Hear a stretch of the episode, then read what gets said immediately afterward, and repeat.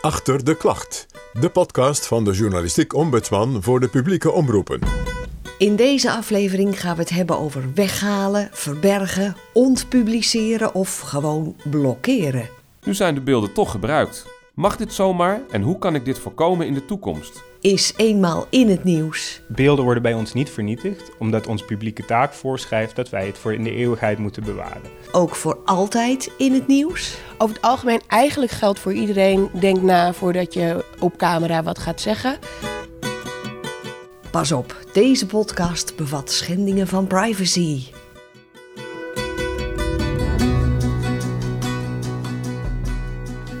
Fijn dat je luistert naar Achter de Klacht. Ik ben Margot Smit, journalistiek ombudsman voor de publieke omroepen. Bij mij kan je terecht met vragen en klachten over de inhoud van journalistieke programma's bij de publieke omroepen. En waar krijg ik dan veel klachten over? Bijvoorbeeld over allerlei zaken rondom privacy en dan met name op tv. Ik vind het niet zo gek, want het kan nogal wat met je doen als je op een landelijke tv-zender komt. In deze aflevering loop ik één zo'n klacht eens helemaal langs met je. Want als je ooit op tv was, maar je wilt nu liever vergeten worden, kan dat dan?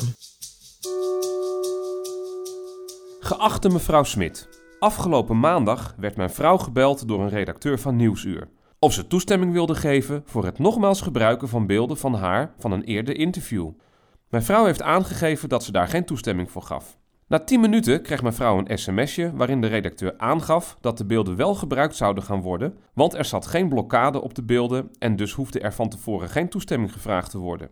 Nu zijn de beelden toch gebruikt. Mag dit zomaar en hoe kan ik dit voorkomen in de toekomst? Vriendelijke groet.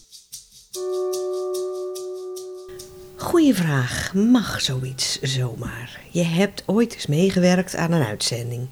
En nu zie je jezelf zomaar terug als illustratiemateriaal in een heel ander verhaal. Het ging hier overigens om beelden uit een oud interview over ongezond leven. De geïnterviewde was inmiddels een heel stuk gezonder. Maar moet je dan nu geen extra toestemming geven als je oude zelf, beelden van die oude zelf, nu als nieuw gebruikt worden? En wat wordt er dan eigenlijk bedoeld met geen blokkade op de beelden? Ik vraag het aan Roosje Simon. Ik ben uh, teamleider Documedia Nieuws bij de NOS. En bij het Beeldarchief van Nederland. Ik ben uh, Corné Sijs. Ik uh, werk bij Beeld en Geluid en ik ben daar privacy officer, functionaris gegevensbescherming eigenlijk. Mag je zomaar iedereen filmen op straat? Ja, op straat wel. Dat is, het heet geloof ik recht van vrije nieuwsgaring of vrije informatiegaring. Dus je mag iedereen gewoon filmen. Um, wat wij doen bij onze afdeling, wij doen research voor de, um, voor de NOS. En wij archiveren het beeldmateriaal van alle verslaggevers die op pad zijn geweest. Want per dag gaat er een, een, flink aantal verslaggevers op pad, allemaal met een cameraman. En die komen allemaal terug met wat vroeger heette bandjes. Dat zijn geen bandjes meer, hè? Nee, het zijn geen bandjes meer. Het zijn nu gewoon uh, files of het zijn um, XD-tapes, dat soort dingen. Het komt allemaal bij ons binnen. En um, inderdaad, er wordt, uiteindelijk wordt er 2,5 minuut um, onderwerp wordt er gemaakt.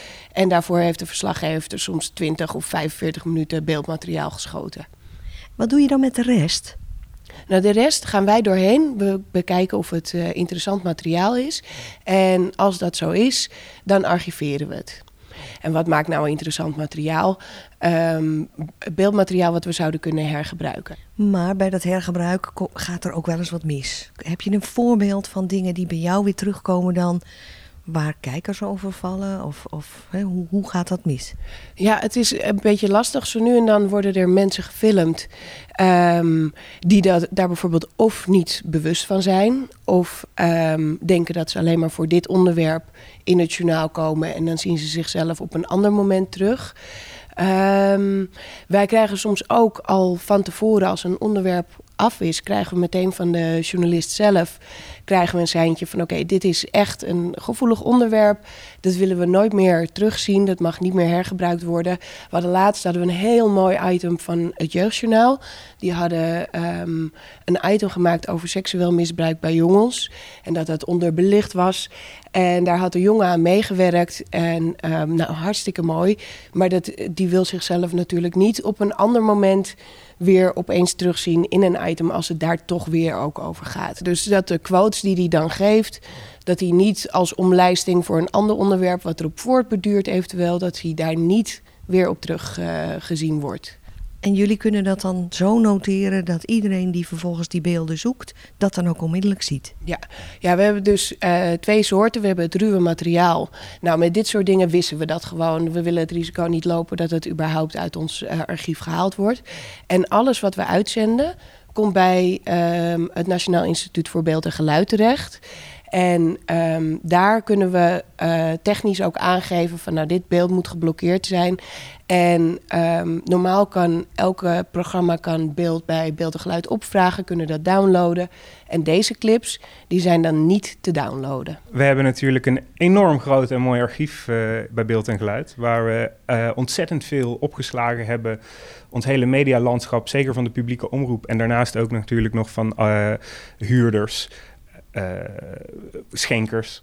Uh, dus er zit enorm veel in ons archief. En uh, er zijn ook fragmenten waar mensen misschien later van terug zijn gekomen, niet meer zo blij mee zijn. En ja, ook, ook met die belangen moeten wij rekening houden. Hoe werkt dat dan bij beeld en geluid als een programma beelden uit een ander programma opnieuw zou willen gebruiken? Kan iedereen daar zomaar bij? Bij dat enorme archief van jullie? Uh, wat belangrijk is om in de gaten te houden, is dat wij niet altijd de rechthebbende zijn van dat materiaal. Dus vaak uh, is er een omroep of een productiehuis die de auteursrechten heeft op, op bepaald materiaal. Um, we hebben dus niet altijd de mogelijkheid om dat zomaar aan iedereen mee te geven. Um, waarmee zij weer er verder iets mee kunnen gaan doen. we zijn eigenlijk een intermediair tussen aan de ene kant heel veel rechthebbenden en aan de andere kant de uitvragende partij die een bepaald fragment wil hebben. Uh, denk aan andere tijden bijvoorbeeld, die vaak in het verleden duikt en daar uh, fragmenten van wil hebben.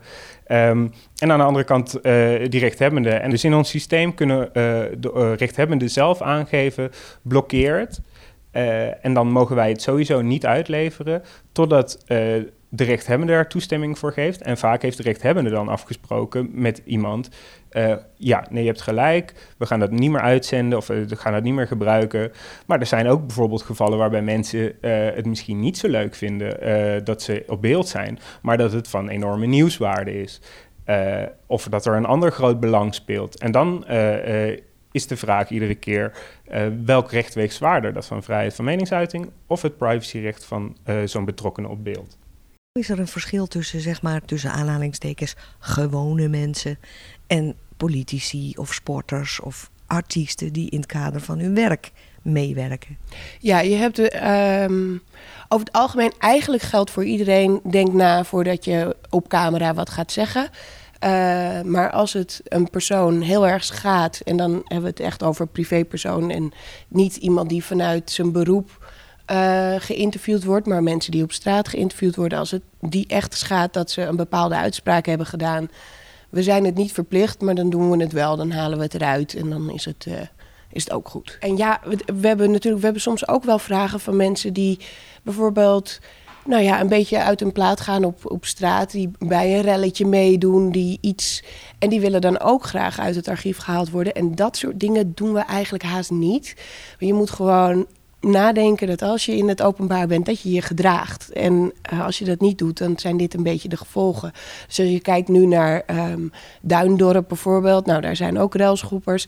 En ik denk dat als die dus in beeld komen en zouden vragen van nou we, mogen, we willen daar graag uit, we willen niet meer uitgezonden worden, dat we die er niet uit zouden halen. En het vervelende is dat dit is wel een onderwerp wat voorlopig nog door blijft gaan. Dus het risico dat je nog een keer op tv komt is ook wel behoorlijk aanwezig. Maar je gaat de geschiedenis niet herschrijven. Nee, dat is voornamelijk ook een beetje het ding. We gaan niet de geschiedenis herschrijven. Krijgen jullie nou vaak dit soort vragen? Mag ik alsjeblieft uit het archief? Vaak is de vraag inderdaad, mag ik uit het archief of wil je het materiaal verwijderen? Uh, en daarop moeten we dan helaas altijd zeggen, nee, dat, dat kunnen wij niet, dat mogen we ook niet, want wij zijn niet eens vaak de rechthebbende, zoals ik net uh, al vertelde. Beelden worden bij ons niet vernietigd, omdat onze publieke taak voorschrijft dat wij het voor in de eeuwigheid moeten bewaren. Maar uh, wat je wel ziet, is dat mensen heel blij zijn als ze bijvoorbeeld niet meer via Google gevonden kunnen worden of via ons eigen systeem. En um, zo zie je dat het uh, toch vaak een, een, een geaccepteerde oplossing is.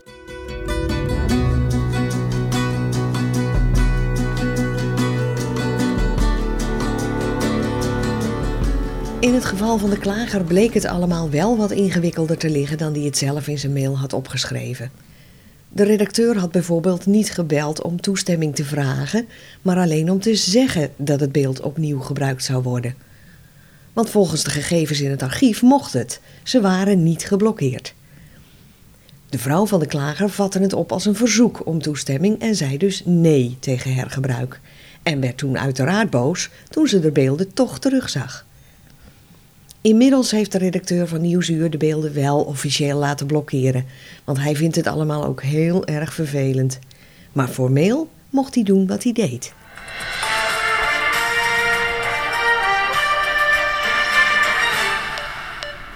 Ik schreef de klager dus nog eens een keer over de manier waarop het opperarchief van beeld en geluid werkt.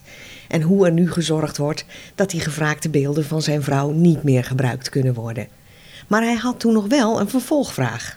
Beste mevrouw Smit, dank u wel voor de uitgebreide reactie. Maar had Nieuwsuur ons in eerste instantie dan niet beter moeten informeren en een contract moeten voorleggen? Het voelt nu als een bewuste misleiding dat we er achteraf niks meer aan kunnen doen. Als we dat van tevoren hadden geweten, hadden we namelijk niet meegewerkt aan de oorspronkelijke reportage. Er was hier geen sprake van bewuste misleiding, zoals de klager het opschreef. Over het opnieuw gebruiken van het beeld was gewoonweg niet gesproken tijdens het oorspronkelijke interview. Want niemand had überhaupt bedacht dat dat nog eens een keer zou kunnen gaan gebeuren. Maar dan is zijn vraag wel een goede. Zou een contract dan in het vervolg niet handig zijn? Dan weet iedereen tenminste waar hij aan toe is. Ik vroeg het de expert van beeld en geluid. Ik ben jurist, dus uh, in beginsel hou ik van een contract. Uh, dan neem niet weg dat uh, goede afspraken en duidelijkheid het allerbelangrijkste is. Dus probeer mensen geen loer te draaien. En um, wat wij bijvoorbeeld bij beeld en geluid doen, wij vragen altijd de reden uit als iemand een fragment wil hergebruiken. Dan weten wij in welke context het wordt geplaatst en koppelen we dat terug aan de rechthebbende die toen tijd het programma heeft gemaakt. En die kan uiteindelijk het beste bepalen of die nieuwe context uh, geschikt is voor dit materiaal. Ja. Nu ben ik ombudsman en ik ben geen jurist. En misschien hou ik daarom wel minder dan Corné Suis van die dichtgetimmerde contracten. Ik schreef de klager dus dat ik het liefste zie dat er met simpele en goede afspraken wordt gewerkt. Vooraf, dat wel. En dan hoop ik dat het in de toekomst ook zo kan blijven, want eigenlijk gaat het altijd wel goed. Maar, schreef ik de klager, misschien ben ik dan wel een optimist. Beste mevrouw Smit, optimistisch zijn is altijd goed. Maar het was wel fijn geweest als ze van tevoren hadden verteld dat het zou kunnen dat ze beelden vaker kunnen gebruiken. Daar zijn ze echt wel in tekort geschoten. Zo'n klacht als dit geeft nog maar eens aan wat de impact is van op televisie komen. En het geeft ook aan dat programmamakers soms aannemen dat iedereen weet hoe televisie gemaakt wordt. En dat beelden dus opnieuw gebruikt kunnen worden. Maar dat je ze ook kunt laten blokkeren, dat is echt niet algemeen bekend. Transparant zijn en uh, goede afspraken maken, zij het op papier of mondeling. Uh, probeer een geïnterviewde absoluut niet het gevoel te geven dat hem achteraf iets wordt aangedaan. Uh, en dan denk ik dat je daar verder mee komt dan dat we proberen alles dicht te timmeren. En dat we er uiteindelijk met hartstikke leuk materiaal waar iemand bijvoorbeeld wel achter staat, niet in een andere context mogen gebruiken, omdat dat niet afgesproken is. Want dat komt ook voor. Ook dat uh, zie je. Dus uh, duidelijkheid en transparantie, dat uh, zijn de kernwoorden. Ja, dat is wel leuk. We hadden laatst hadden we um, twee zussen die mantel zorgden voor hun oudere vader. En het ging over problemen van mantelzorgen. En uh, de verslaggever kwam terug met het verhaal. En toen heb ik aan de verslaggever gevraagd van... Goh, heb je gevraagd of wij dit beeldmateriaal mogen hergebruiken... van die dames die dan voor hun vader zorgen? En daar had ze eigenlijk niet aan gedacht. En normaal doen we dat dus ook niet. Maar ze zei meteen, oh, maar deze dames die waren zo enthousiast... en die wilden zo graag meewerken... Dus um, ze heeft die dames gecontact. En uiteindelijk waren zij super enthousiast en wilden ze ook heel graag in ons archief. En we hebben er ook bij verteld, dus bij volgende onderwerpen over mantelzorg kan het zijn dat jullie in beeld komen. Nou, ze vonden het prachtig en als enige kanttekening dat ze graag een seintje wilden krijgen als ze weer werden uitgezonden. Dus nou ja, we hopen dat we dat kunnen. Dat is niet altijd mogelijk, maar het is toch wel heel erg leuk. Tot zover deze aflevering van Achter de Klacht. de podcast van de nieuwsombudsman van de publieke omroepen. Heb je vragen over mijn werk? Schrijf me dan. Dan maken we er misschien wel een podcast over. Mailen graag naar ombudsman.npo.nl. Ook voor je klachten over journalistieke programma's. Op mijn website vind je mijn uitspraken en oordelen over klachten en ook eerdere afleveringen van deze podcast. Die website dat is ombudsman.npo.nl. Deze aflevering werd gemaakt samen met Wilma de Weert. Stemmen zijn van Dennis het Jong en Hans Hogendoorn. Technische ondersteuning Peter Riemslag-Baas. Vormgeving Martine Eelman. Advies Katinka Beer. En de muziek die is alweer van Boris McCutcheon en Calexico. Wil je een volgende aflevering weer luisteren? De Ombudsman podcast vind je op de bekende podcastplatforms. En heb je wat te vragen, te klagen of te zeggen? Mail naar ombudsman.npo.nl. Tot achter de volgende klacht.